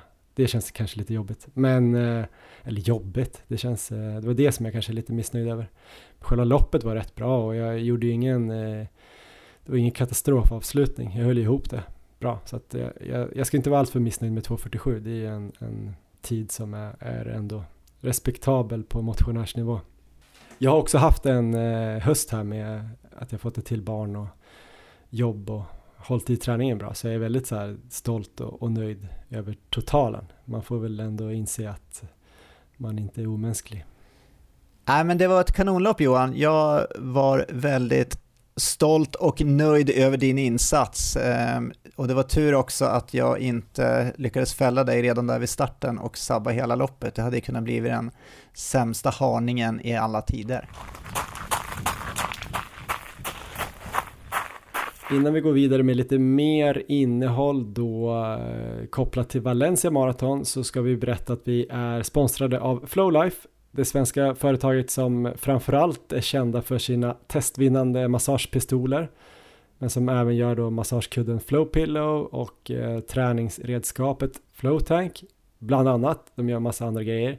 De har ju nyligen släppt nya versioner av Flowgun Go och Flowgun Pro som är två bra och snygga massagepistoler och så har ju de också en lillebror som heter Flogan Pocket som jag har kört eh, rätt mycket med på sistone. Eh, den är lite mindre och eh, ännu lättare att ta med sig på resor eller till och med ta med den till jobbet. Det har jag gjort några gånger här faktiskt. Lätt att ta med i ryggan. Eh, den är fortfarande kraftfull och eh, har flera olika munstycken för olika typer av massage. Och eh, på flowlife.com kan ni hitta alla de här olika produkterna och de har också en massa fina julerbjudanden. Och om ni beställer nu innan den 16 december så levererar de produkterna innan julafton. Och de har även något som heter julklappsgaranti och det innebär då att man får prova produkten i 100 dagar från julafton, alltså fram till 3 april och så får man lämna tillbaka om man inte är nöjd. Så eh, gå in och kolla på flowlife.com. Vi ska ta oss tillbaka lite till Valencia Marathon för det var ju många som sprang betydligt mycket bättre och snabbare än vad jag gjorde. Några som vi vill då eh, highlighta eller belysa var ju då Kristoffer Lås som gjorde 2.16 Johanna Salminen som sprang på 2.39 och så Fanny Schulstad som gjorde ett superlopp på 2.42 men en som imponerade mest och väl fick sitt stora nationella genombrott, säger man så Erik? Han har väl sprungit jättebra tidigare också men eh, Linus Rosdahl gjorde alltså 2.13.21 Otroligt imponerande. Verkligen imponerande. Jag följde ju loppet på plats och såg ju både Fanny, Johanna och Kristoffer där vid några tillfällen. Men Linus var för snabb, så jag missade honom nästan vid varje passering där. Ehm, så ja, vilket lopp. Fantastiskt. Eh, vi tänkte att vi skulle snacka lite med Linus, eh, lite kort om loppet men också då kanske vad som föregick själva det här superloppet, eh, hur träningen har sett ut här i höst. Så Varsågoda Linus Rosdahl. On your marks. Get set. Ja men då ska vi eh, snacka med genombrottsmannen Linus Rosdahl. Eh, hur är läget? Jo men det är bra med mig tycker jag. Um, har tagit en ganska lugn vecka nu efter Valencia uh, men ändå kommit igång lite med träningen så det är skönt. Jag hörde ju lite i Springsnyggt-podden där Johannes Forsberg, Mannes brorsa, intervjuade dig efter målgång i Valencia. Nu har det gått en dryg vecka till här. Har du hunnit smälta din prestation där du sprang på 2.13.21 blev det va? Ja, jag tror det officiella tiden är 2.13.24 tror jag. Eh, okay. Men det är väl så här netto och bruttotider. Men, eh, nej, men det har jag väl gjort. Det, nej, men jag, är, jag är väldigt nöjd med loppet. Um, och kul att uh, jag har haft Valencia som mål i nästan ett och ett halvt år. Uh, så att det kändes kul att kunna springa bra uh, och prestera när det, när, när det gäller. Liksom. Så här efterhand då, man som löpare tänker man ju alltid så här att ja, man kanske är nöjd med en prestation men man hittar ju alltid någon sekund här och där. Alltså det kanske blåste lite mycket eller det var någon grad för mycket eller där hade jag kanske kunnat tagit den ryggen och sådär. Känner du att du hade någon sån grej som du skulle kunna kapa några sekunder till på det där loppet eller var det perfekt? Eh, bra fråga. Det blev nog, med tanke på vinden så blev det nog eh, ganska perfekt, eh, loppet. Så de yttre förutsättningarna kunde jag ju inte göra så mycket med, men vi, vi funderade ganska mycket, jag och Sindre, vilken, vilken grupp jag skulle gå med eh, innan loppet. Vi stod lite och, och, och vägde mellan VM-kvalet och EM-kvalet, för jag visste att eller träningen indikerade på att jag, skulle, att jag var lite bättre än EM-kvalet, men jag var väl inte riktigt så bra som VM-kvalet, så jag var någonstans mitt emellan. Så att, eh, eh, men jag tror ändå med tanke på på förhållanden så gjorde vi, så gjorde vi rätt val. Så att, eh, jag tror inte jag har, jag har så mycket att, att förbättra liksom under loppet. Vad skönt. Men eh, för alla som undrar nu då, vad var VM-kvaltiden och vad var EM-kvaltiden? 2.11.30 var VM-kvalet och 2.14.30 var EM-kvalet. Vad härligt då att få springa mål på en mara och känna att man inte kunde göra någonting mer. Men vad menar du, skulle du kunna gjort någonting mer innan då för att kunna springa ännu bättre? Kan inte du prata lite om hur eh, ni tränade, eller du tränade, tillsammans då med Sindre Burås då som är din tränare, den norska gamla duktiga löparen, eller gamla, men han är ju en duktig löpare fortfarande. Jag lyssnade på Springsnyggt-podden här i somras, då var du med och pratade lite mer om ert samarbete, men ni började ju för ett år sedan ungefär va? Exakt. Så jag kan ju egentligen ta det ifrån, ifrån eh, när jag pratade med Spring Snyggt-podden.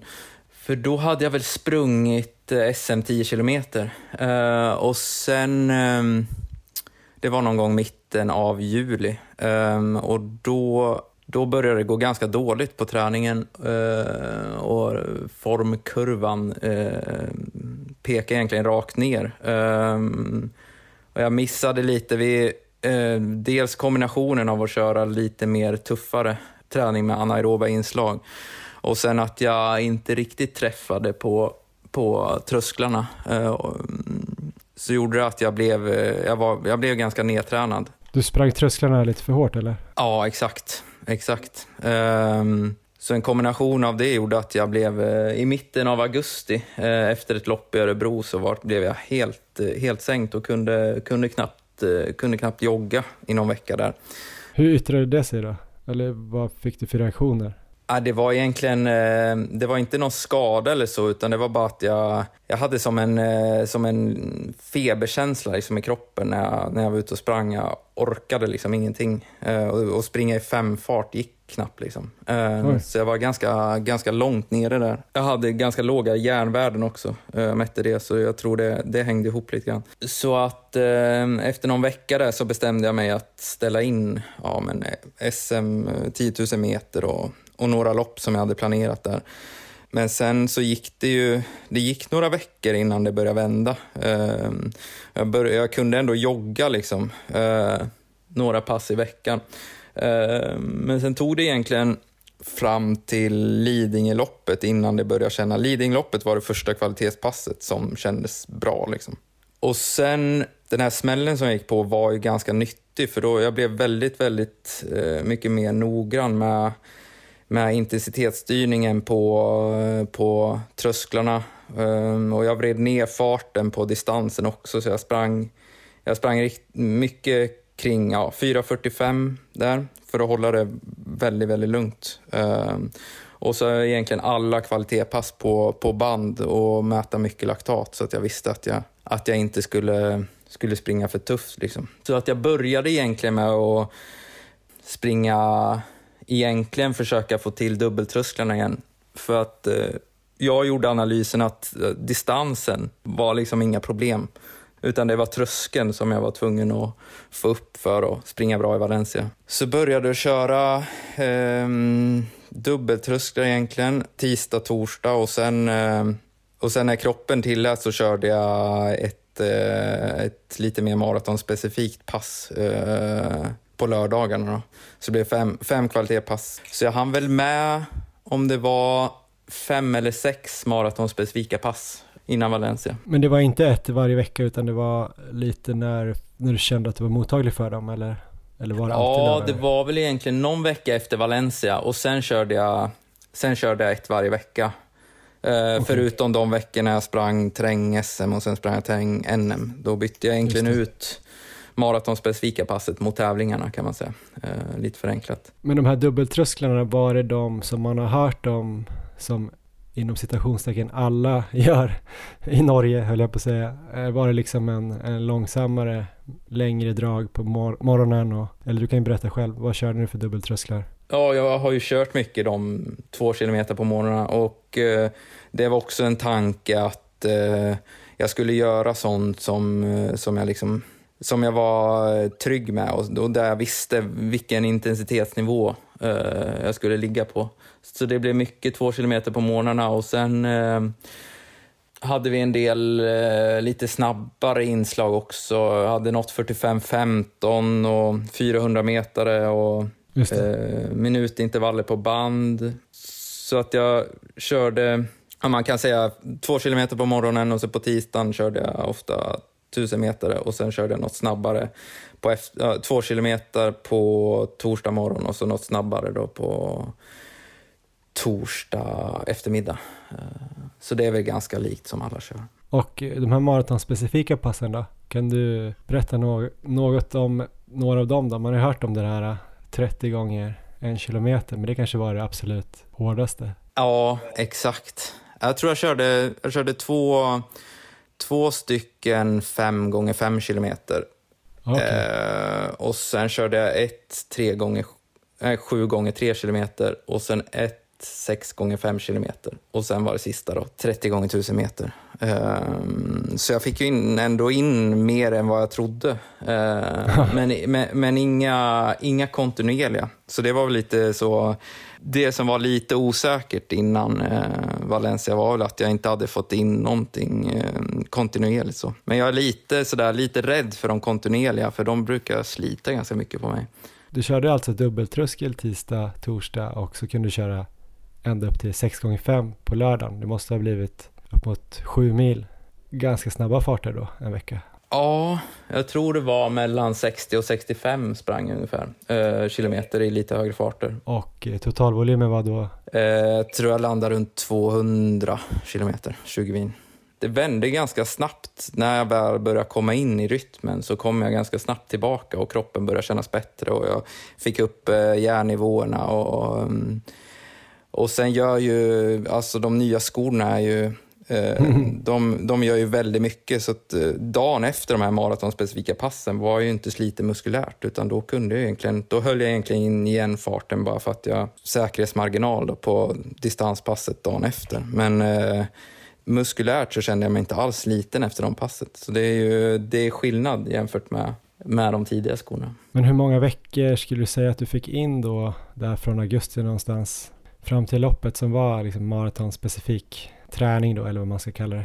Eh, man kan kanske säga från Lidingöloppet, jag har inte räknat veckor, men från eh, Lidingöloppet och så fram till eh, Valencia blev nog maratonspecifika. Just det, men egentligen det enda som var, som var maratonspecifikt var ju lördagspasset. Annars körde jag ju ganska likt som jag har gjort innan. Gjorde du något annat då för att komma ur den här svackan? Ja, det var ju det att jag, jag började springa lite saktare på distansen och var väldigt noggrann med att hålla, hålla rätt intensitet på passen och så käkade jag järntillskott. Så det var de tre och sen bara vänta på, vänta på att kroppen börjar svara igen. Liksom. Eh, jag försökte vara tålmodig eh, och inte stressa.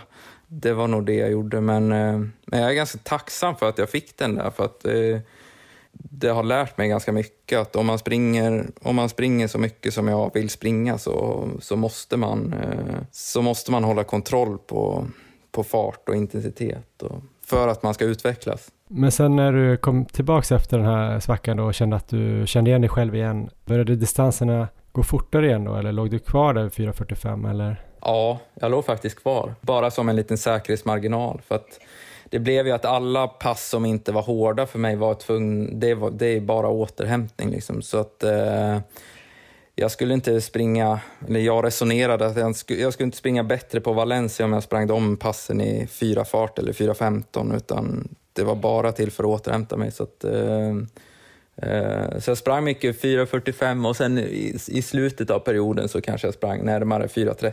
Men det är en sån, en sån eh, gräns jag har, att jag, jag springer inte snabbare än 4.30 på distanserna. Det är nog många som springer dem lite för fort kanske. Och det är ju, Sindre har ju pratat, han har varit eh, väldigt noga med det, att vi inte, inte ska springa för fort på distanserna. Och sen finns det självklart, det finns ju olika filosofier och man kan ju träna på lite olika sätt. Men eh, på det sättet jag tränar så, så skulle det, ja, risken är för stor om vi börjar springa dem snabbt. Liksom. Men i den här perioden inför Valencia, då, när gjorde du ditt sista riktigt stora pass? Hade du något som du kände var lite genrep eller något sånt där? Och hur, hur långt innan loppet var det?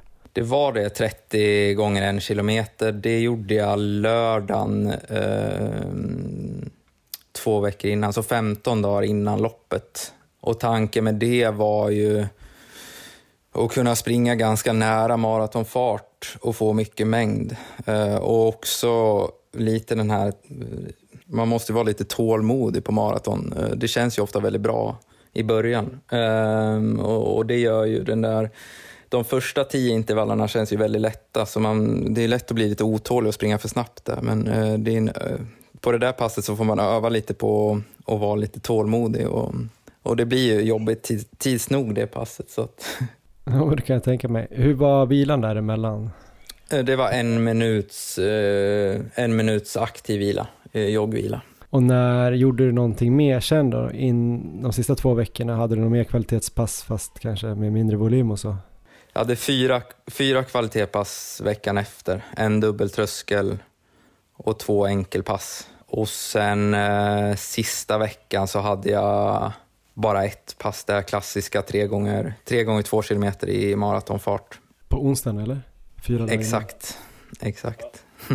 det är, nästan alla kör det sen så, men det, det verkar funka. Men eh, vilar du någonting någonsin, alltså helt, eller är det liksom att vila för dig är att springa lugnt? Um, ja, men jag har haft en del vilodagar. Sen i, i höst här när jag kom igång med maratonträningen så har jag egentligen inte inte haft så många vilodagar. Um, så jag hade, innan loppet så hade jag en vilodag, resdagen uh, vilade jag. Var det fredag eller? Ja, exakt. Men annars så, så joggade jag, men det är ju bara såna ja, åtta kilometers pass för att hålla igång muskulaturen och så. Men det var ju lite svårt där, för det blev ju det blev både kallt och snöigt, så jag var tvungen att eh, vi har tillfälligt flytta, flytta ut till kusten, eh, jag och min fru. Eh, och Eh, här, eh, det finns bara löpband som går upp till 20 km i timmen så jag kunde inte göra stignings, eh, stegringslopp. Så att jag var lite orolig sådär för, för muskulaturen för det kändes som att jag blev bara segare och segare den där veckan när jag inte kunde göra mina vanliga stegringslopp på distanserna. Så att, Kanske lite mentalt också? Ja, förmodligen. så men jag fick ju köra några där på lördagen i Valencia så, att, så då kände jag mig trygg igen. Men eh, totalt då, hur mycket har du sprungit i år? Har du någon koll på det? Vad rör det sig om? Nej, jag har faktiskt ingen jättebra eh, koll på hur, hur mycket jag har sprungit. Men ja, vad kan det bli? Det blir ju... När man får en dålig vecka så drar ju snittet ner ganska mycket. Um, men kanske ja, 14, 15. Med, jag hade ju en skada, jag hade ju skada i början av året och sen med tanke på på den perioden som jag hade i somras så blir det nog inte så mycket mer än det tror jag inte. Lite kort då framöver då, har du hunnit tänka på 2022 redan eller suger du på den här karamellen? Nej, men det, man börjar oftast direkt efter loppet och tänka på, och tänka på nästa lopp. Eh, jag hoppas ju få springa EM, så det blir ju liksom det stora, eh, det stora målet nästa säsong jag tror fortfarande för att jag ska kunna springa fortare på maraton så måste jag höja min tröskel. Så att jag ska försöka förbättra min, eh, mitt eh, 5000 meters pers och springa, få till något, eh, något lopp på 10 000 meter på banan också. Och sen ska jag springa Berlin halvmaraton. Så det är väl eh, egentligen så tre eh, fokustävlingar kommer jag nog ha i vår och sen kommer jag springa lite sådana tävlingar som, inte, som jag inte tycker är lika viktiga liksom också. Eh, men jag har inga sådana konkreta tidsmål eller någonting utan jag får för, jag, jag, det funkar bättre för mig att bara att jobba på med träningen och så får resultaten komma baserat på det. Berlin halvmaraton i början av april eller? Är det det första fokusloppet eller kommer du köra inomhus också innan? Ja, jag var lite inne på att testa något eh, 3000 meters lopp men jag tror faktiskt att jag inte kommer springa något utan jag kommer försöka få, få in halvmaraträning där istället. Eh, så det blir det första loppet. Ja, spännande. Så det blir kul att följa dig framöver och få se dig i landslagsdressen här då. Är det i augusti nästa år som det är EM? Exakt, 15 augusti i München. Så att, eh, ja, det blir spännande. Uh, gäller att hålla sig ska skadefri och frisk och hel uh, så ska det nog kunna gå bra. Ja, skitkul att du vill vara med. Stort tack. Ja, kul att vara med och bra podd. Ja, men det där var alltså Linus Rosdahl som nog får dra på sig landslagsdressen nästa år. Eh, fantastisk utveckling han har haft. Det ska bli kul att följa honom framöver, eller hur Erik? Verkligen. Nu tänkte vi att vi skulle runda av det här avsnittet som eh, fylldes av eh, en massa olika lopprapporter och lite om träning såklart. Eh, Erik, tränar du någonting nu framöver här när du precis har sprungit 100 kilometer? Nej, det är inte ens nära att kunna träna någonting. Jag kan knappt gå för tillfället, men jag hoppas det ska ge med sig lite dag för dag här. Men hela den här veckan blir garanterat vila. Sen är jag taggad för att gå in på gymmet och börja bygga upp inför nästa säsong, men eh, det kanske blir två veckor med ytterst lite löpning i alla fall. Och då menar du bygga upp eh, löpningen på löpande eller menar du att du kommer byta och sadla om till bodybuilder? jag ska fundera på det, ehm, men då får vi kanske ändra inriktning på podden. Nej för fan, vi kör löpning. Ja, ja med löpning på gymmet. Ja, kul. löpning på gymmet. Um, men uh, någon som redan är på gymmet, det är du Johan. Du tog inte så mycket vila efter Valencia. Nej, jag hade två dagars helvila och sen så klättrade jag på väggarna så då tänkte jag att eh, någonting måste jag göra. Jag kanske ska föregå med gott exempel och inte springa. Lyckades väl ha, göra 30 minuter på crosstrainer eh, dag tre. 30 minuter roddmaskin dag fyra, lite styrka tror jag. Dag fem tänkte jag också köra någon typ av alternativ träning men hann inte på gymmet så jag sprang faktiskt 30 minuter. Kändes ganska bra uh, i typ 20 minuter. Sen var, blev jag faktiskt uh, skittrött i benen och fick typ träningsverk och det var bara en jogg i 5.20. Så då kändes det som att okej, okay, det finns en anledning till att man ska vila efter maraton och efter en lång säsong. Så är det. Så, uh, men sen har jag faktiskt också kört lite uh, skierg eller stakmaskin. Så jag har rört på mig lite grann. Men jag mår inte så bra om jag bara ska ligga och vila. Men jag tar det lugnt. Jag får se om jag drar igång någon löpning här innan jul och nyår eller om jag bara kör lite det jag blir sugen på. Kanske lite skidor under, under julen och så. Ni får väl hålla lite koll på Instagram om vi lägger upp någonting där. Det kanske blir alternativträning här under julen. Där heter vi Maratonlabbet. Strava kan man ju också föra in eh, sin alternativträning. Så det kan ju bli något sånt. Sen har vi också tankar då på att göra ett till avsnitt. Egentligen skulle det här vara vårt sista avsnitt för året, men vi kommer köra någon form av, eh, jag vet inte om det kommer vara eh, ett julavsnitt. Ska det vara det, att vi har jul tomteluvor på oss och rimmar hela avsnittet? Nej, ja. det blir för svårt. Ja, vi får se om vi får till det. Kanske ett varsitt rim? ett varsitt rim och en liten sammanfattning från året. Det kan vi väl utlova. Ja, vi tänker, ja men precis. Vi tänker att vi sammanfattar våra säsonger och så hoppas vi att vi kan bjuda på någon fin julklapp i form av en eh, trevlig intervjuperson också. Eh, så håll utkik efter det. Sen om det blir eh, nästa vecka eller på julafton eller mellandagarna, det får vi se. Men eh, det kommer ett avsnitt till innan vi tar lite säsongsvila med podden. Fram tills dess då Erik, eh, ta det lugnt. Ja, det ska jag absolut göra. Ha det bra Johan.